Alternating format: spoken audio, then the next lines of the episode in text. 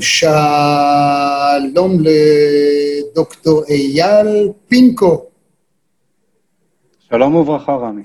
מה שלומך היום? נפלא, איך אתה? אני יוצא מן הכלל, אתה רואה, שמתי לעצמנו, ככה שיהיה לנו, אתה שם את הרקע, לפחות אני התאמצתי. רקע קוסמי. כן, אתה, אבל זה ה base של, של הזום. אני לפחות כן. uh, עבדתי על זה ויצרתי איזה, איזה משהו. אז באמת, אם אנחנו מזכירים זום, תגיד, עד כמה הפחדים uh, מכל דבר שהוא מקורו בסין, צריך להגיד שהתוכנה המופלאה הזאת, שבאמת, באמת, באמת עוזרת לאנושות, יותר מכל דבר אחר, נדמה לי, בתחום הזה של התקשורת האישית, הבין-אישית, בתקופת המשבר הנורא הזה, עד כמה באמת מה שאנחנו מדברים חשוף למישהו שיושב בכיכר האדומה? תראה, אני בסוף אה, חושב שמאמצי הריגול אה, של סין הם כבירים מאוד.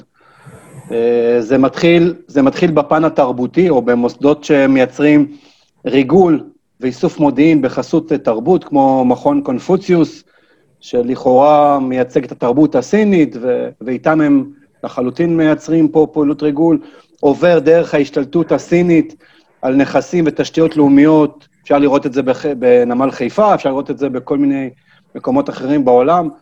אה, רק לאחרונה, או בימים האחרונים למעשה, אה, סין מודיעה על הקמת בסיס איסוף אה, מודיעין באיראן מאוד מאוד גדול, וזה כמובן גומר, ואחרי סדרה ארוכה של דברים אחרים, ב, למעשה בהאזנות לטלפונים, בהטמנות של שבבים לטלפונים או במחשבים אישיים, כך שאם לענות בקצרה או בשורה התחתונה לשאלתך, מאמצי האיסוף הסינים, צריך לחשוש מהם uh, כל הזמן.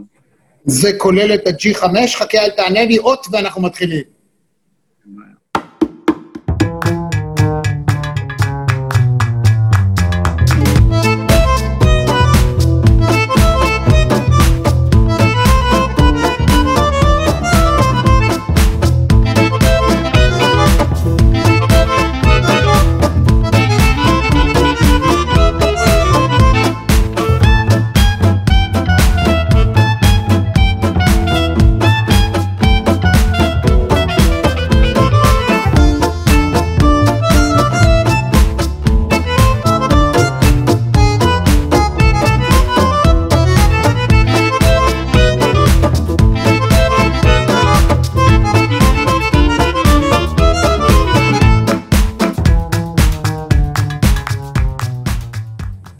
G5, בבקשה. G5, תראה, אני חושב שבסוף ה-G5 הוא, יש בו משהו שהוא uh, פורץ דרך, מביא הרבה מאוד uh, תרומה לאנושות, ישפר משמעותית את התקשורת. כמובן שאנחנו, הסיפור הזה הוא חרב uh, בעלת uh, שתי, שני ראשים, או דו-פיות, מה שנקרא. מצד אחד אנחנו נהנים מהטכנולוגיה, מהיכולת לתקשר, לעבוד מהר, לקבל תקשורת מהר, להעביר נתונים בקצב מהיר מאוד. מצד שני, זה מייצר הרבה הרבה יותר חשיפה ויותר סיכונים של, של פריצה, של גנבת מידע.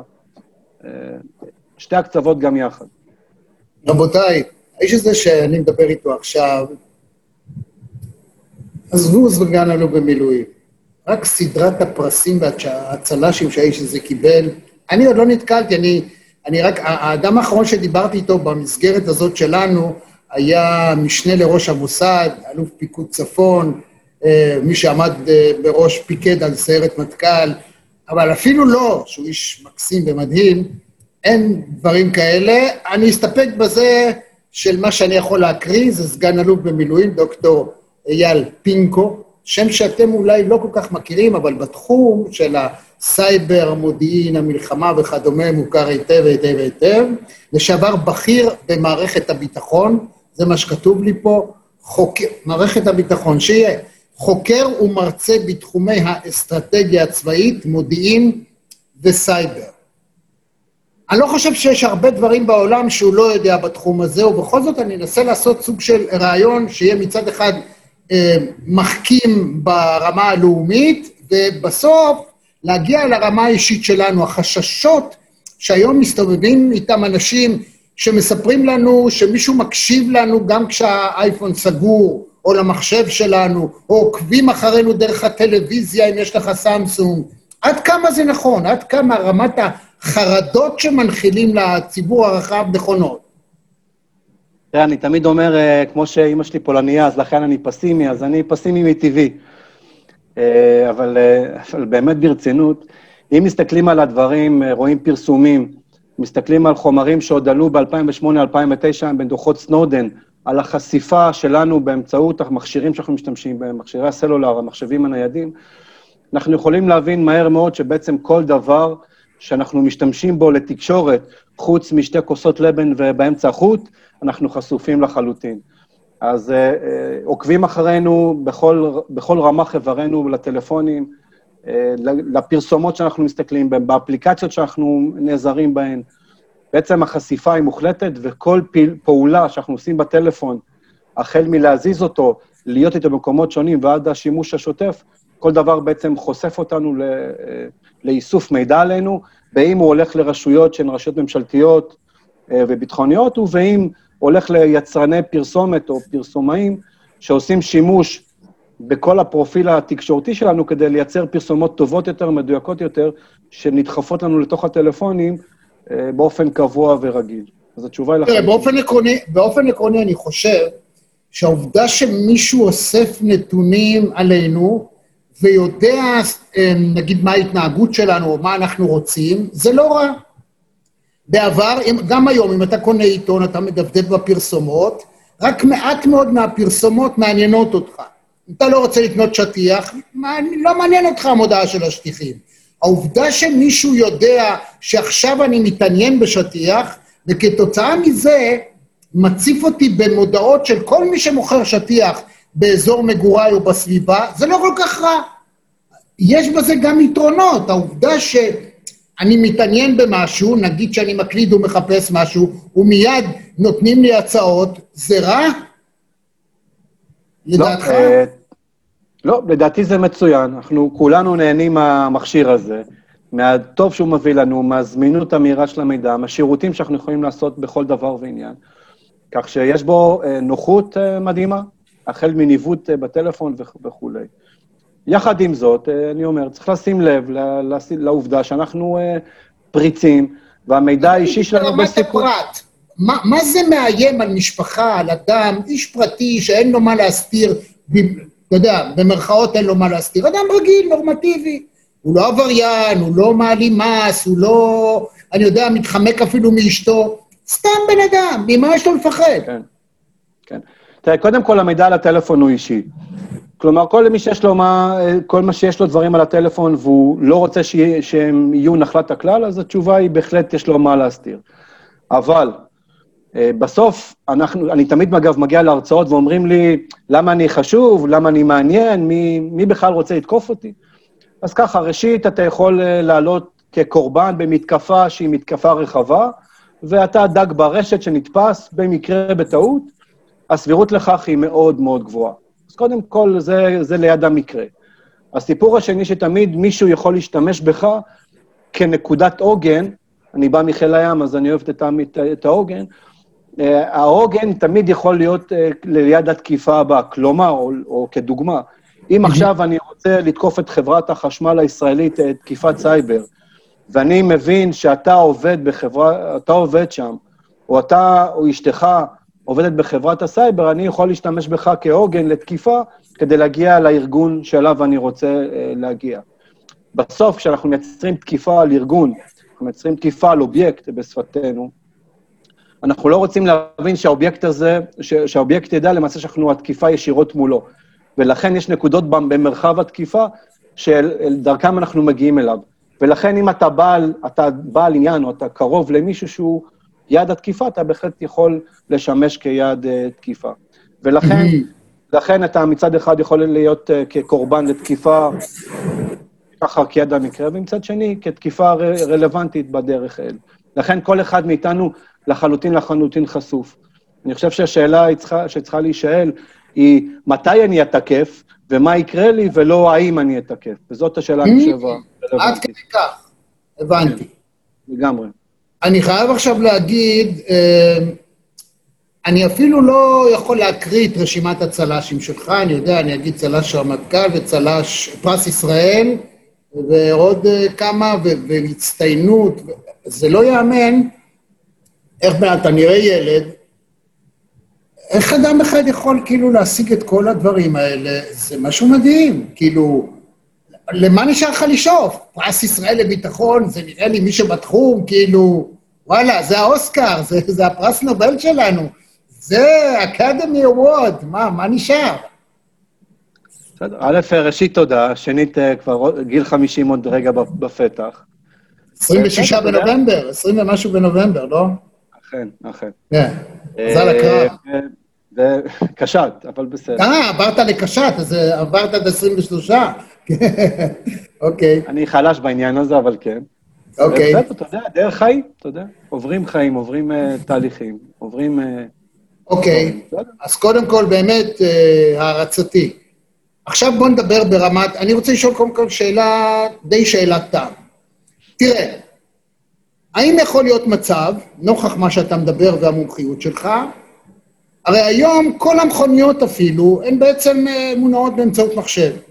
האם מישהו יכול להיכנס למרצדס, או לאיזה דרך שהיא, נגיד, למוסך המרכזי של היבואן בישראל, של פולקסווגן, ולשתק ברגע אחד את כל מכוניות האאודי, הפולקסווגן, הסיאט, ומה עוד יש להם שם, הצ'כי שלהם. כאילו, זה יבואן אחד, הגדול ביותר בישראל, אפשר? זה יכול להיות? יום אחד יעצרו כל המכוניות? תראה, אני, קודם כל אני חושב שהמציאות עולה על כל דמיון. כך שהתשובה, האם אפשרי, אני משוכנע שמישהו בסוף יצליח לעשות את זה. זה לא טריוויאלי, זה לא פשוט. חברות הרכב, ובכלל חברות, מי שעוסק בעולמות התחבורה, עוסק השכם והערב בהגנת אבטחת המידע או בהגנה על המחשוב ברכבים, ברכבות, במטוסים. הסיפור הזה הוא תמיד מאבק בין התוקף למגן, סיפור שלא ייגמר כנראה לעולם. ותמיד אני, בסוף, כמו שאומר פון קלאוזוביץ', קו ההגנה לעולם ייפרץ. אז זה פשוט, בסוף מישהו ימצא פטנט איך לתקוף רכב, איך, איך לחדור דרך הווי-פיי או הבלוטוס בתוך הרכב, או איך להיכנס למחשב. אני חושב שהדרך תימצא. זה תלוי, בשורה התחתונה זה תלוי בתוקף, עד כמה הוא חדור מוטיבציה, עד כמה יש לו מחשבים, כמה יש לו סבלנות לתקוף, ומה הוא רוצה לחולל, כלומר, מה המוטיבציות ומה היכולות, החיבור של, של שני הגורמים האלו. אני חושב שזה לא חזון אחרית הימים, אבל בהחלט יכול להיות. היא כן. זאת אומרת, אם אני, אתה הזכרת את הדברים העתידיים, אז אני אקח את זה דווקא אחורה לסרט של צ'רלי צ'פלין, שסוחר את שירותיו של ילד, שהולך וזורק אבנים, שובר את החלונות, מיד אחרי זה הוא מגיע, נושא על גבו את השמשות ומתקן. איכשהו יש איזה דיבור, מחשבה כזאת, שכל מי ש... אתה יודע, כל הסייבריסטים הם גם אלה שמייצרים את ההיפוך, וכך שוכרים את שירותם כדי להילחם במה שהם בעצמם המציאו, וגלגל חוזר. איך, איך, איך אתה רואה את זה?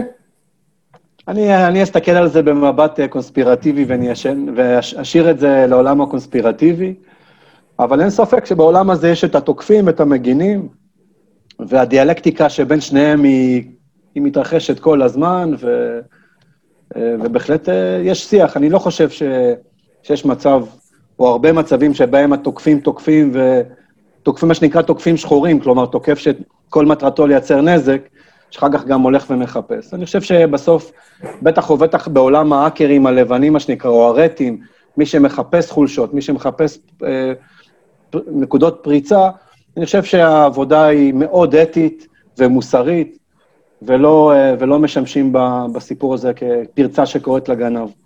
אבל למעשה אנשים שעוסקים בכל המקומות, אנשים שעוסקים בתחום יצירת ההגנה, הם אלה שיודעים את כל הסודות. אתה יודע, לפני כמה ימים פרצו לנשקייה בבסיס ענק בצפון הארץ וגנבו 38 כלי נשק. בחקירה איכשהו, דבר ראשון, בודקים בחקירה מהסוג הזה, מי, מי שירת כאן, מי ידע מה הם התנאים של האבטחה של המקום הזה, ואיך פתאום פתחו את הדלת ולקחו ונעלמו, ובכלל אף אחד לא הרגיש עד שלא עבר יום שלם. אז פה השאלה היא עד כמה אנחנו יכולים בכלל, אנשים שהיו בצד הזה של המתרס, מחר עוברים לצד השני תמורת כסף, ומה? איך מתגוננים מול זה? אני חושב שאתה בכלל פה פותח אה, נושא הרבה יותר רחב, שנקרא האיום הפנימי. והוא, ככה, נגעת בנקודה שהיא מאוד רגישה בעולם הזה שנקרא עולם סייבר ובעולמות של רשתות התקשורת. כי כשאתה מסתכל בעולמות הישנים של המלחמה הישנה, מי היריב, מי האויב, אז אנחנו מכירים ארגוני טרור ומדינות אה, כאלה ואחרות, ואנחנו מכירים גורמי פשע, פשיעה כבדים. זה בסדר, זה עולמות שמוכרים לכולנו. עכשיו, מתייחסים לעולם הסייבר, לא, לא, לאיומים החדשים שצצו בעולמות הסייבר, אין ספק שהאיום הפנימי, קרי העובדים, היועצים, הספקים של הארגון, הופכים להיות אויבים פוטנציאליים או יריבים פוטנציאליים של הארגון. מצד אחד יכול להיות שב... אתה יודע, בהיסח הדעת, בטעות, בתום לב, קיבלו מייל זדוני או עשו איזושהי פעילות בטעות ואפשרו להאקר, לפורץ, לפרוץ פנימה לתוך הרשת, אופציה אחת. אופציה שנייה, באמת יכול להיות שעכשיו העובד הוא מורמר, הוא רוצה לנקום, הוא, יש לו איזושהי בעיה, ראה דוגמת אתי אלון, איך היא מוטטה מתוך הבנק, מתוך הדברים, בנק, בנק שלם, ובסדרה של פעולות זדוניות יכולים לחסל ארגון שלם, גם אפילו אה, משק שלם אה, בהקשר הזה. אז אני חושב שהסיפור הזה של איום פנימי, של להבין רגע מה האיום שמגיע מתוך הספקים של הארגון, היועצים, העובדים, הוא חלק מאוד מאוד משמעותי. איך מטפלים בזה? ראשית, צריך, צריך לייצר אה, מגוון פעילויות שעוסקות במהימנות העובדים. להבין שאולי זה לא politically correct, אבל העובדים הם האיום במרחב הסייבר, הם האיום של הארגון. וכל העולמות של מהימנות עובדים, אמינות, לייצר מבדקים, שאלונים ותהליך שלם שבודק את העובדים, לא רק כשהם נכנסים לעבודה ובוא ניפרד כשאתה יוצא לפנסיה, אלא תוך כדי תהליך לבדוק שאין שום בעיות עם העובד, לראות שאין כל מיני דברים נסתרים שקורים, לראות שהעובדים לא מכורים למשהו או בעיות משפחתיות, ולייצר כזה תהליך של טרום העסקה ו-ongoing, כדי לוודא שהעובדים לא מייצרים את האיום הפנימי, שוב, כל מה שקשור לא לתום הלב, על הארגון עצמו.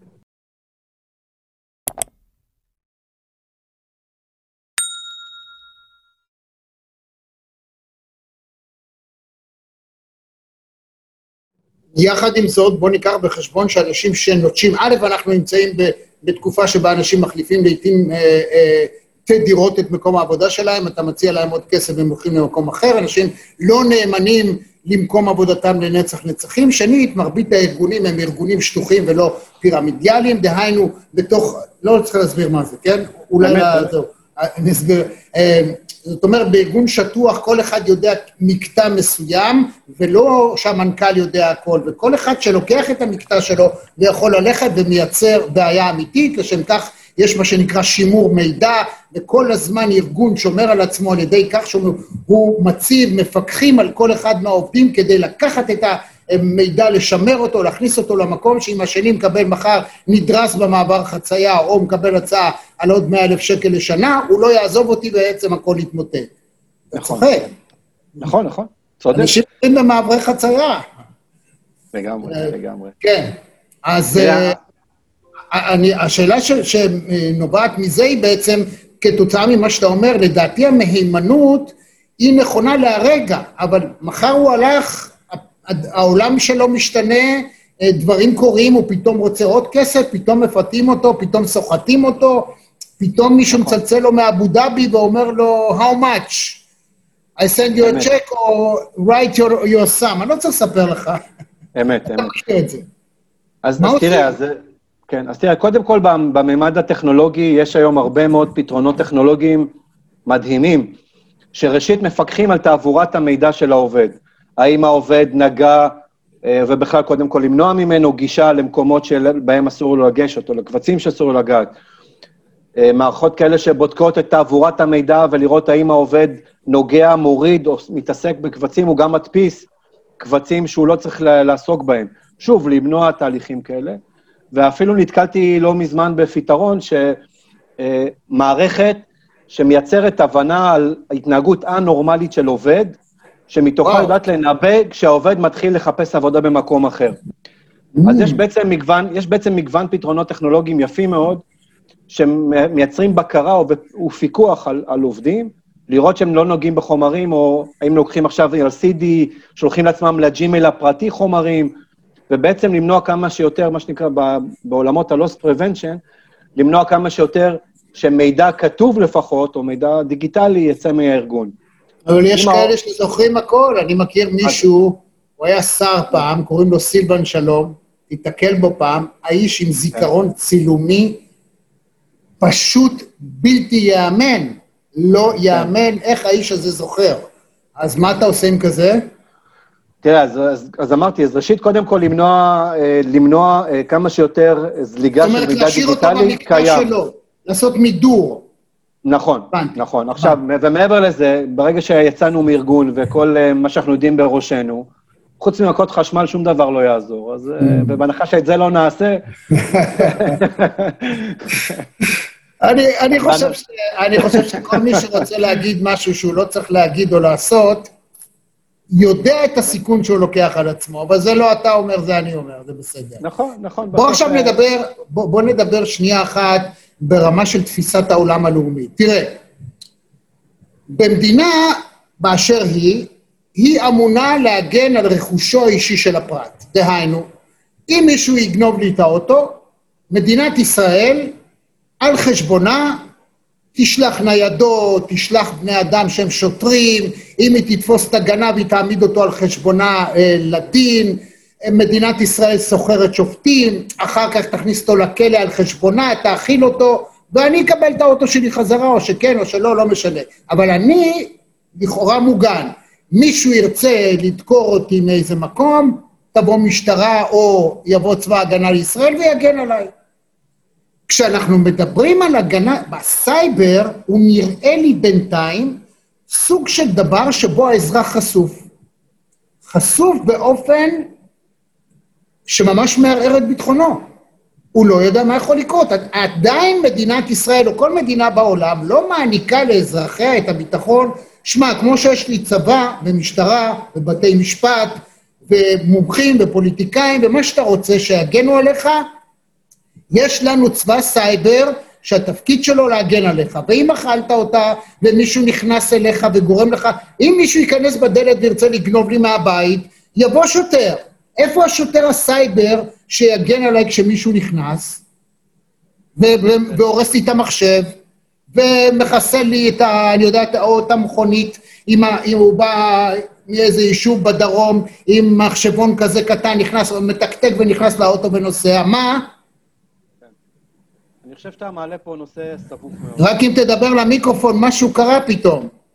מישהו נכנס לנו. כן, כנראה. אוקיי. מעולה. אה, אני חושב שאתה מעלה פה נושא... אתה צריך להרים את זה קצת, אתה צריך להרים את זה. כן, דבר. יותר טוב, נהדר. כן, בקול רם. אני חושב שאתה מעלה פה נושא שהוא סבוך מאוד. הוא סבוך מאוד ומורכב, כי, כי מדינה לא יכולה להעניק לתושביה אה, הגנת אה, סייבר כוללת. אני חושב שזה לא עובד. זה לא עובד, יש פה אמצעים רבים מאוד, ומדינה כמו מדינת ישראל וכמו כמעט, כמו רוב מדינות העולם, למעשה מייצרות הגנה באמצעות רגולציה, באמצעות מודעות ופעולות אחרות, וגם כמובן טכנולוגיה, אה, עבור המשק או התשתיות הקריטיות שאותה היא מגדירה, כמו למשל אה, מרשמי התושבים, התחבורה, התקשורת ועוד כהנה וכהנה. ומדינה בעצם מעניקה אה, בסיפור הזה, או לתשתיות הקריטיות שלה, מעניקות, מעניקות הגנה.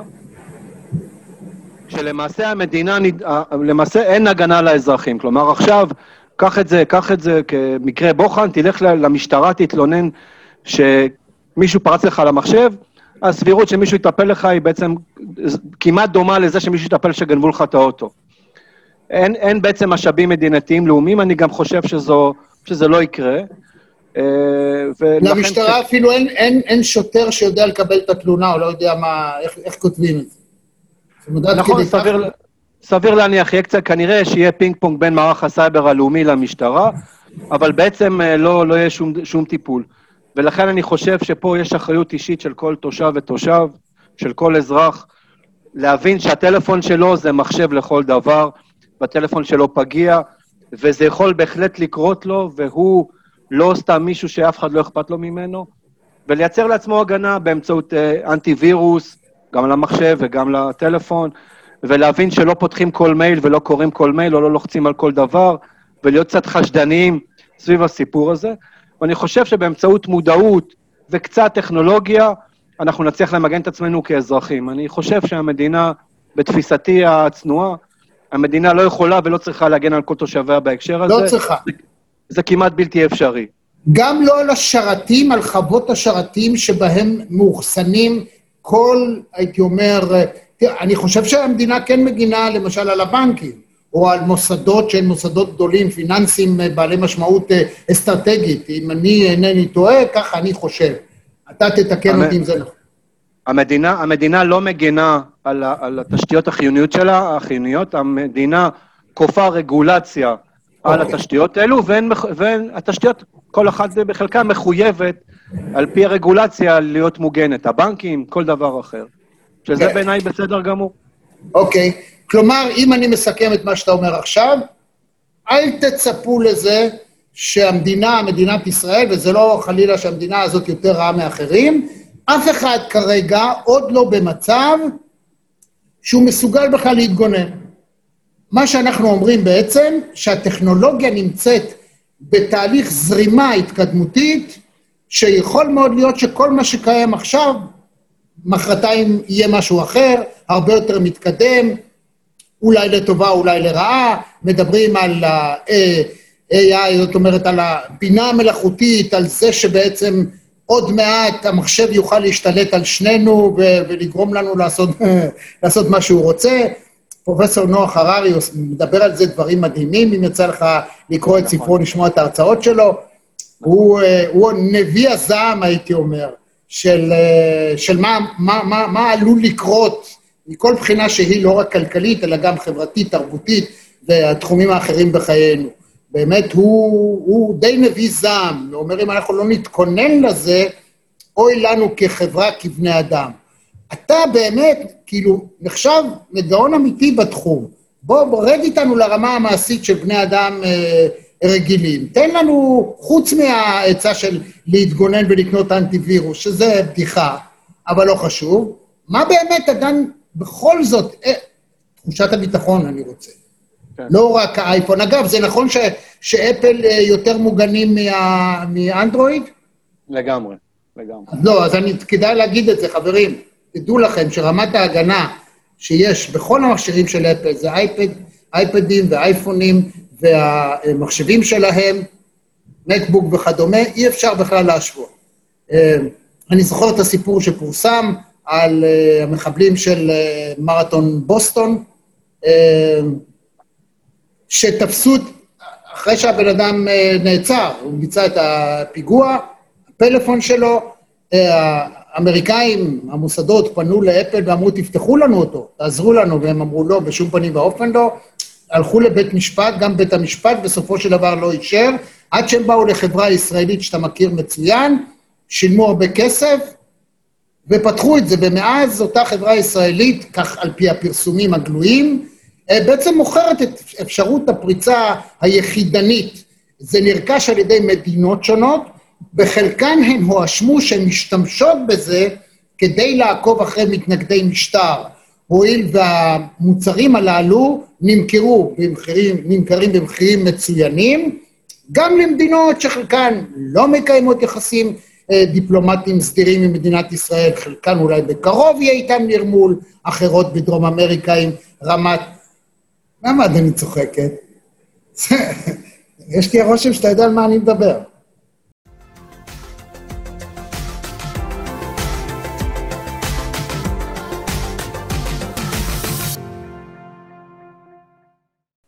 בסוף היכולות נמכרו, זה יכולות שנמכרות למדינות בלבד ולא לפרטיים או ארגונים, אלא למדינות בלבד, יכולות רגישות. וכמו שכתוב בעיתונות אה, החופשית, הרי שמערכות כאלה נמכרו בכל מיני מקומות בעולם, אה, בסדר. אה, אנחנו טובים בטכנולוגיה, זה מה שאנחנו עושים במדינת ישראל. לא, זה בסדר גמור. אז מה, איך אתה רואה אה, את העתיד? לאן אנחנו הולכים בתחום הזה של הסייבר? תראה, אני יכול להגיד, אני אגיד את זה, אני אעשה אנלוגיה לתרופות.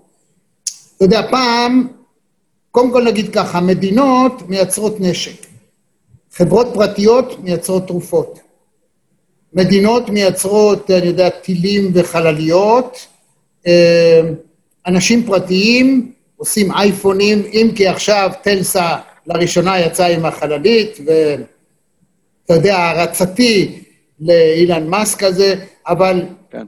מדברים על זה שהתרופות, חברות התרופות ממכרות את הצרכן אה, באמצעות זה שלא נותנים לך מרפא, אלא משעבדים אותך לתרופה. אתה לוקח תרופה, ומרגע שאתה לוקח אותה, כל ימי חייך תצטרך לקחת, גם אם החלמת.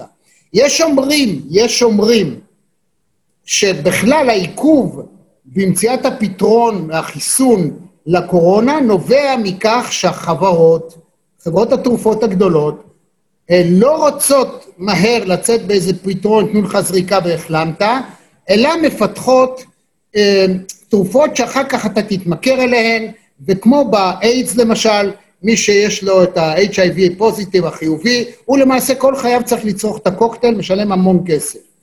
אה, אני רוצה לדבר איתך, אני רוצה לעשות את האנלוגיה הזאת לסייבר. האם באמת אין כאן מערך אינטרסים שנוצר עם הזמן, שלא רוצה לפתור את הבעיה, שרוצה שנמשיך להימצא בסוג של סיכון מתמיד, אה, אנשים שיעניקו את ההגנה כתוצאה מכך? שאלה ארוכה, התשובה בטח תהיה קצרה. אני... סליחה שהארכתי. אני רוצה רק, רק כקוריוז, רק להזכיר שבאזור 1998 או 9, מהמכון הסיני בוואן, ברח נגיף HIV, ברח להם גם כן, כמו, כמו במשבר הנוכחי של הקורונה. אז מאותו מקום, מאותו... משהו השב"ס בווהאן, יש איתו בעיה, בווהאן, שם כן. הם בורחים כן. הנגיפים. כן, אז מה, באמת, מה אתה אומר על זה? זה באמת כקוריוז. תראה, אני חושב שאני קצת אחבר את זה לעולם שדיברתי, על מהם האיומים בעולמות הסייבר. אז מי שמפתח כלי תקיפת סייבר זה לא רק ארגונים או מדינות. מי שמפתח כלי תקיפת סייבר זה אנשים שזה עיסוקם. אגב, מקצוע מכניס מאוד למצוא חולשות ויכולות תקיפה.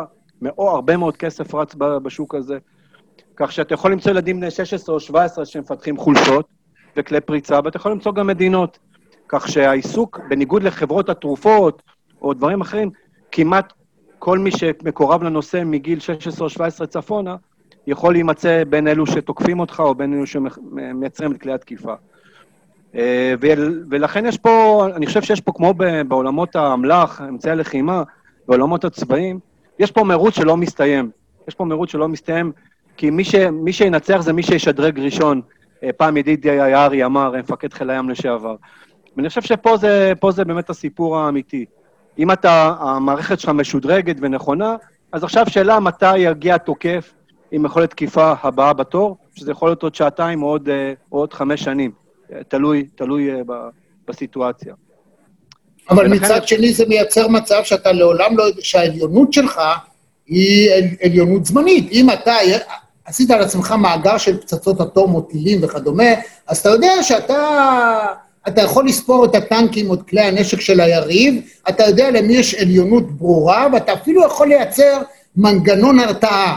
אז לי יש 200 פצצות אטום, לך יש 180, עזוב, בוא, בוא, לא, לא, אף אחד לא יזרוק אחד על השני. בסייבר, למעשה, אף אחד לא יודע כלום אף פעם. נכון. נו, מה? העליונות שלך, קודם כל, העליונות שלך בסייבר היא איך שאתה בודק את עצמך, אה, מצד אחד, והיא לרוב עליונות רגעית, כי אתה לא יודע, מה, כמו שאמרת, מה נמצא בידי היריב, או איפה, מה שנקרא ה-zero day, איפה נמצאת החולשה הבאה שלו. אז איך נבנית בעצם עליונות או תפיסה של הרתעה בסייבר? באמצעות, א', קצת PR, קצת public relation שאתה עושה לעצמך, מצד אחד, ומצד שני, שורה של תקיפות שמיוחסות לך, גם אם עשית אותנו, גם אם לא. ראה דוגמת התקיפה לכאורה האיראנית על מתקני המים בישראל. מייצר הרתעה מסוימת. כן. ביוב. אה, זה, כן. זה היה, אבל לא? על כל פנים... כן, כן. זה היה כן, אמיתי. כן. אוקיי. כן. השאלה איפה היה, איפה היה באמת הנזק, או איפה, מה הנזק שנוצר. מצד שני, שבועיים לאחר מכן, סדר גודל כזה, תקיפה שמיוחסת לישראל, ללא הודעה ישראלית רשמית, על נמל שהיד רג'יאן באיראן, אחד הנמלים הגדולים ביותר שם, משתק את הנמל ואת כל האזור במשך שלושה-ארבעה ימים, אין נכנס, אין בא, תקיעה של סחורות, אוניות, בעיה גדולה. כמובן, שוב, מיוחס לישראל ללא הודעה רשמית. כל מיני פעולות שכאלה יוצרות הרתעה. יוצרות הרתעה, כמו, כמו שדיברנו מקודם, הרתעה היא זמנית לחלוטין. אז אתה כל הזמן צריך להיות עסוק באיך אני מייצר הרתעה, כי אני עושה לעצמי שם, ואני מפרסם, ואני מדבר, ואני גם מדי פעם תוקף, ויש רכילות או שמועות שזה אני שתקפתי, אה, וכך אתה בעצם מייצר לעצמך הרתעה. ההרתעה בעולם הסייבר היא שונה בתכליתה, במהותה ובמשכה מכל הרתעה אחרת. כי כמו שאמרת, כשמקבל הצבא הסורי 50 אה, מטוסים מרוסיה, אז אתה יודע להגיד שיש 50 מטוסים מרוסיה, מה הם עושים, איך הם עושים ומתי הם עושים. כשיש לך כלי תקיפה, כשהוא לא מוכר, אף אחד בעצם לא יודע מה יש לך, אתה גם לא תגיד את זה לעולם. מה שאתה אומר הוא שלא קיים בסייבר מאזן אימה אמיתי. יש רק סוג של הפחדות ומדיניות של PR, בצד זה, ש, זה שמפרסם את עצמו, עדיין רועד לו הפופי כל בוקר, הוא לא יודע מה יהיה. זה מה שאתה אומר.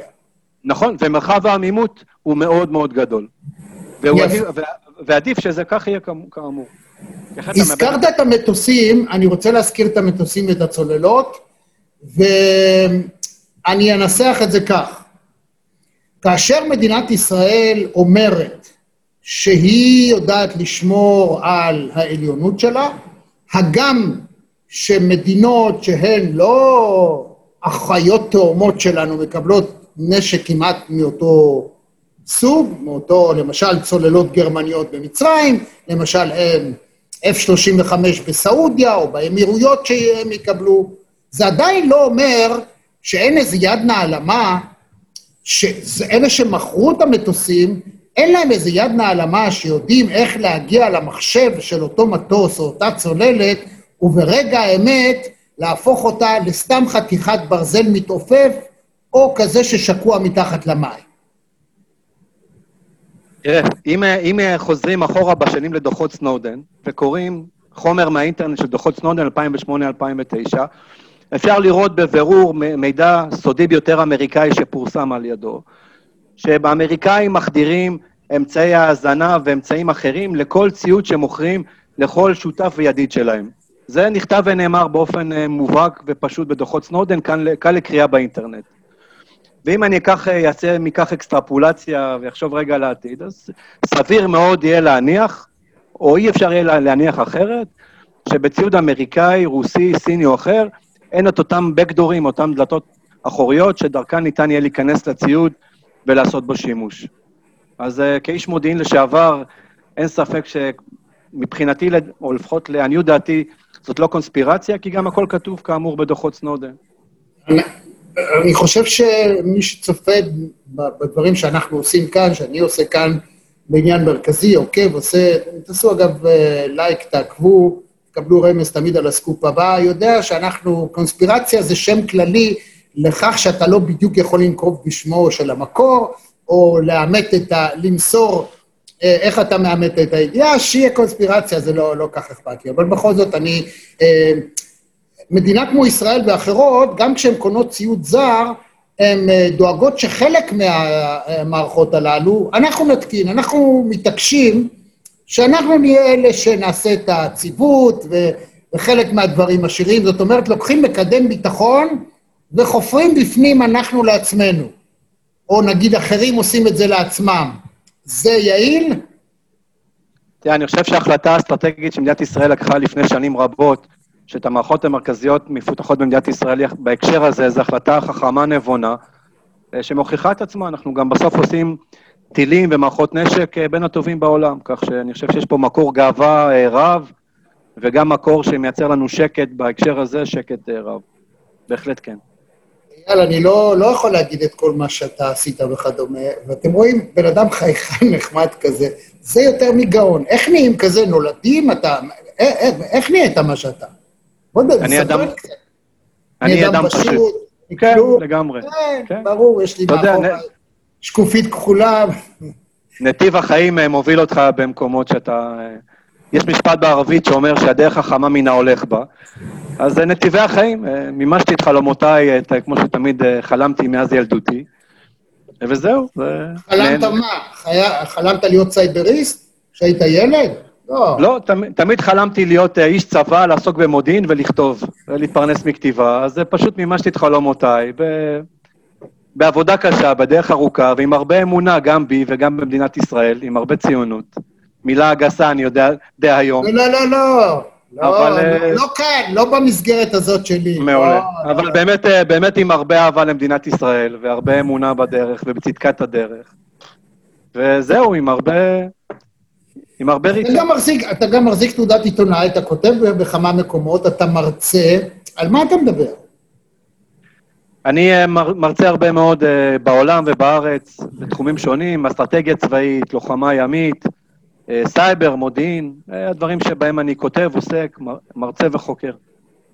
עכשיו, כשאתה מסתכל על הצעירים של היום, על החבר'ה של היום, מה באמת, לא הצלחתי אני באמת להבין, מה נותן לנו את העליונות? מה, אתה יודע, הסינים הרי מעריצים אותנו, אומרים היהודים, זה, זה הישראלים, זה, זה משהו. מה, מה, מה זה גנים? זה ה-DNA שלנו? זה מה? אתה מה, משפחה מלודג', מה, מי, כאילו מה? כן. טוב? אבא שלי, מרומ... אבא שלי מרומני, זה קצת יותר קשה. רומניה? כן, אה, איפה ברומניה? מיאש. יאש, או, זה מקום יפה. כן. תראה, אני חושב, ש, אני חושב שמה שיאפיין את, הישראלים, אה, קודם כל, אה, זה חוסר שביעות הרצון. חוסר, חוסר ה... או, אני לא מרוצה, אבל אני לא, נח- לא נחל שמריי כדי שהמצב הזה יישאר. אלא התרבות שלנו, שאנחנו, אה, יש לנו, בוער לנו בטוסיק, ואנחנו רוצים לעשות ולשנות, ואנחנו לא מקבלים את הדברים כמובן מאליו, ואנחנו שואלים את השאלות הקשות, ואנחנו מוכנים להיות חצופים ולשבור מוסכמות. ואני מסתובב הרבה בעולם כבר הרבה שנים, ואתה רואה את זה באירופה, באסיה, בארצות הברית. מאוד מאוד קשה להגיע, לשבור, להגיע לסטארט-אפים שם, לא כמו בארץ, כי בסוף המרכיב הסודי, המתכון הסודי של התבשיל שלנו, הוא באמת החוצפה וחוסר שביעות הרצון. שאנחנו מוכנים Mm. לעשות משהו תמורת הסיפור הזה. וזה, אני חושב, מה שמביא אותנו למקומות אחרים. הבנתי.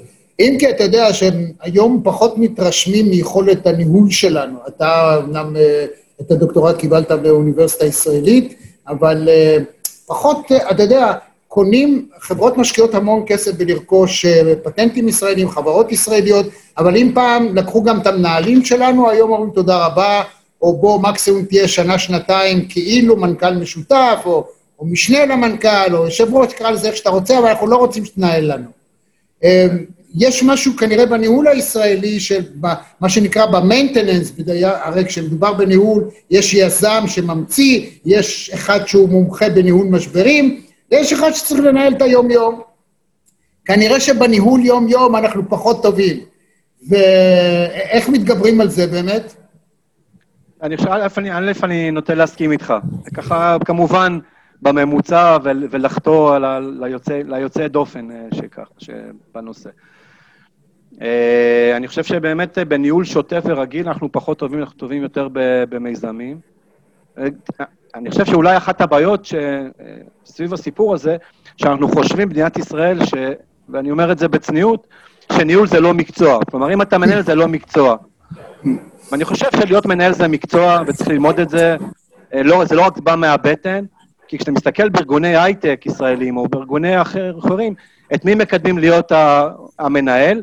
את זה שהיה המהנדס הכי טוב. ואני חושב שלפחות בממוצע, המהנדס הכי טוב הוא לא המנהל הכי טוב. ו... זה נקרא עיקרון הפיטרי, שבסופו של דבר כל. אדם מגיע לדרג חוסר הכישרון שלו. אם אתה בצבא, אתה מ"פ טוב, עושים אותך מג"ד, אתה מג"ד מצוין, עושים אותך מח"ט. אם אתה מח"ט חרא, אז אתה אחר כך הולך הביתה, אבל בינתיים היית מח"ט וחרבנת את כל החטיבה. אז דרג. חוסר הכישרון, אנחנו מומחים בזה. אגב, צריך לראות גם בפוליטיקה. אנשים לא מבינים שפוליטיקה זה מקצוע, ולכן אתה יכול לראות רמטכ"לים, אנשים באמת ממיטב החברה שלנו, הם נכנסים ומתרסקים. פרופסורים, אקדמאים, מגיעים לפוליטיקה, ופתאום, אמר לי פעם אה, פרופסור ממפלגת מרכז מאוד מאוד גדולה, אמר לי, הכל טוב ויפה, הוא אפילו ראש חוג באוניברסיטה אה, תל אביבית. אמר לי, תשמע, הכל טוב ויפה, אבל לא לקחתי בחשבון שפוליטיקה זה לשבת שעות בחדר שמעשנים, אז עוד עישנו, ולשמוע שטויות. זה אנשים אידיוטים. צריך בשביל זה את הכוח. הוא קם אחרי קדנציה אחת, אמר תודה רבה וחזר ל... להיות ראש חוג. כן. אז זה מקצוע, אז כמו שאתה אומר. לגמרי, לגמרי. אה, רגע, ובתחום שלך, איך, איך בחור צעיר יודע, אני מתאים לזה, אתה יודע, אחד שרוצה להיות מסי, יש אנשים שיכולים לראות אותו בגיל 12, אומרים לו, תשמע, עזוב, תעבור לשח. איך בתחום הזה, מי יודע מה הוא, איך הוא? איך יודעים את זה? גיימרים, מה? מה, להיות, אה, לעסוק באיזה מהתחומים? של אה, בתחום, סייבר? לא יודע, אתה תגיד, אבל בתחום שלך הייטק, קוראים לזה הייטק, אה, קוראים לזה, לא יודע, אם ילד כן. יודע מה זה סייבר, מה זה זה, או לוחם, אני יודע. כאילו, אתה תגיד, אני לא יודע.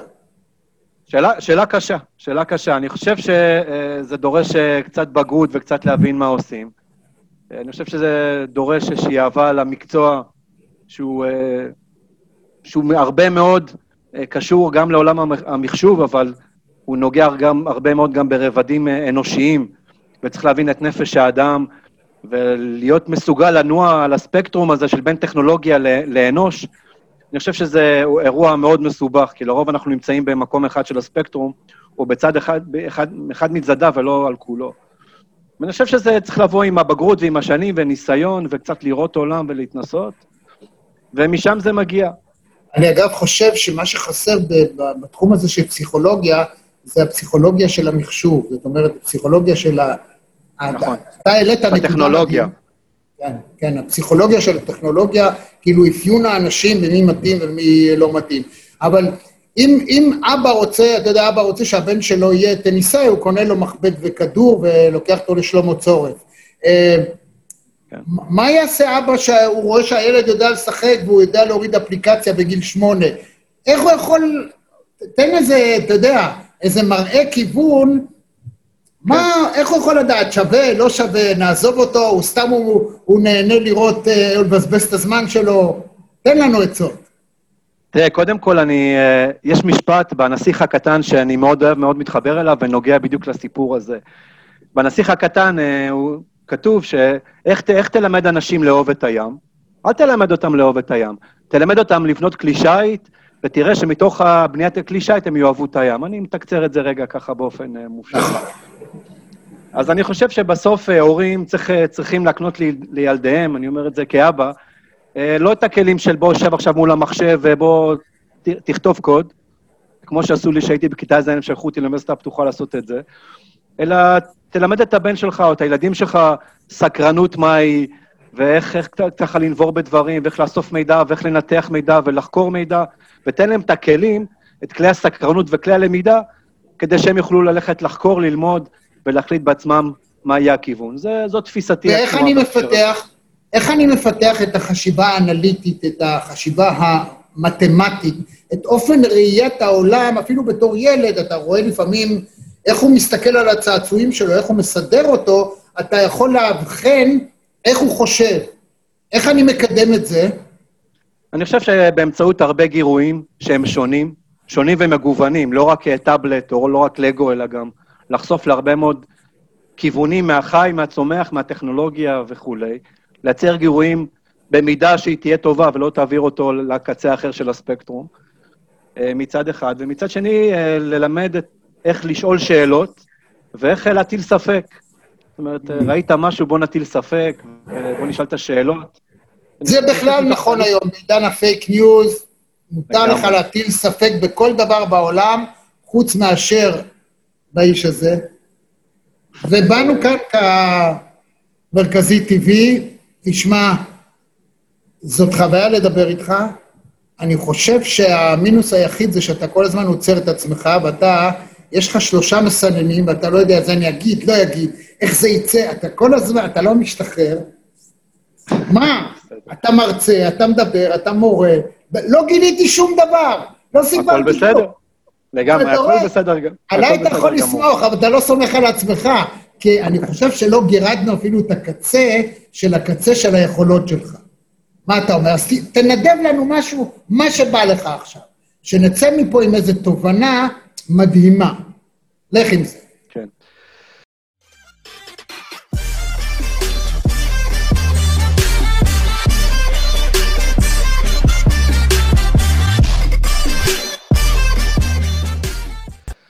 אני אקח אה, ככה, אה, אני אקח את המשפט, קודם כל, אתה יודע, חייתי בעולמות המודיעין, אז אתה רגיל אה, לחיות בעולמות שאתה שומר ו- ונשמר, אה, ש- זה בסדר. אה, שנית, אני אקח את הסיפור הזה באמת של הפייק ניוז, שהתחלת לדבר עליו אולי כמשפט סיום בהקשר הזה. אנחנו באמת חיים בעולם שדיברת על עיתונאות וכולי, כולנו הופכים להיות עיתונאים. כולנו מפרסמים דברים בסטטוס בוואטסאפ או בפייסבוק, ופתאום זו הופכת להיות חדשה עיתונאית, כי אנשים מעבירים ומגיבים, ומאוד מאוד קשה להבין איפה המציאות, או מהי המציאות, או מה באמת המציאות שאנחנו רוצים לקחת לעצמנו. אה, ואני חושב שה... ואני אקשור את זה גם לנושאים האחרים. אני חושב שגם כאיש מודיעין, אה, וגם מה שאני מנסה להנחיל הלאה לילדיי ולסטודנטים שלי, אה, זה באמת הסיפור של להטיל ספק, לשאול את השאלות אם מישהו אמר משהו, למה הוא אמר, איך הוא אמר, מה שפת הגוף שלו כשהוא אמר את הדברים, ולנסות להסתכל על הדברים כמשהו מערכתי. אני חושב שאחד היתרונות שלנו כאנשים, היכולת שלנו לחשוב אה, בחשיבה היקפית ומאוד מאוד רחבה, בניגוד לבעלי חיים. ואני חושב שאנחנו ממעטים מאוד לעשות את זה. אנחנו מסתכלים על משהו דרך קש, דרך צינור, כי זה מאוד נוח. אנחנו לא שואלים לאן מוטע ומי הטע את הקש לאיזה כיוון, ומתקשים רגע להסתכל מה קורה מסביב. אני חושב שאם נסתכל על תופעה כמגוון או כנקודה אחת בתוך מגוון רחב של דברים שקורים, ננסה לתת פרשנות לתופעות שאנחנו רואים, קודם כל זה יצר לנו חיים יותר מעניינים ו- וקוסמיים, וזה לפחות בתפיסתי. ונגלה שם סקרנות, אז uh, אתה יודע, זה מעלה בי תמיד חיוך, אז בהחלט כן. וזה יאפשר לנו גם להבין איפה, איפה המציאות האמיתית, ולא איפה מישהו מנסה לעשות עלינו מניפולציות משמעותיות. זה ככה לסיכום עם... אה, אני, אני חושב, אה, אם אני לוקח את הדברים המרתקים שאתה אומר, ואני לוקח אותם ומפשט אותם ברמת ההבנה אה, של כל אחד מאיתנו, אז רבותיי, קודם כל שתדעו שהפייק ניוז מנוצלים על ידי אנשים רעים שמנצלים את כולנו. מה זאת אומרת? אנשים שהם פסיכולוגים, אנשים שהם אנשי מקצוע, יודעים לחלק פייק ניוז לאנשים שרוצים להאמין בשקרים.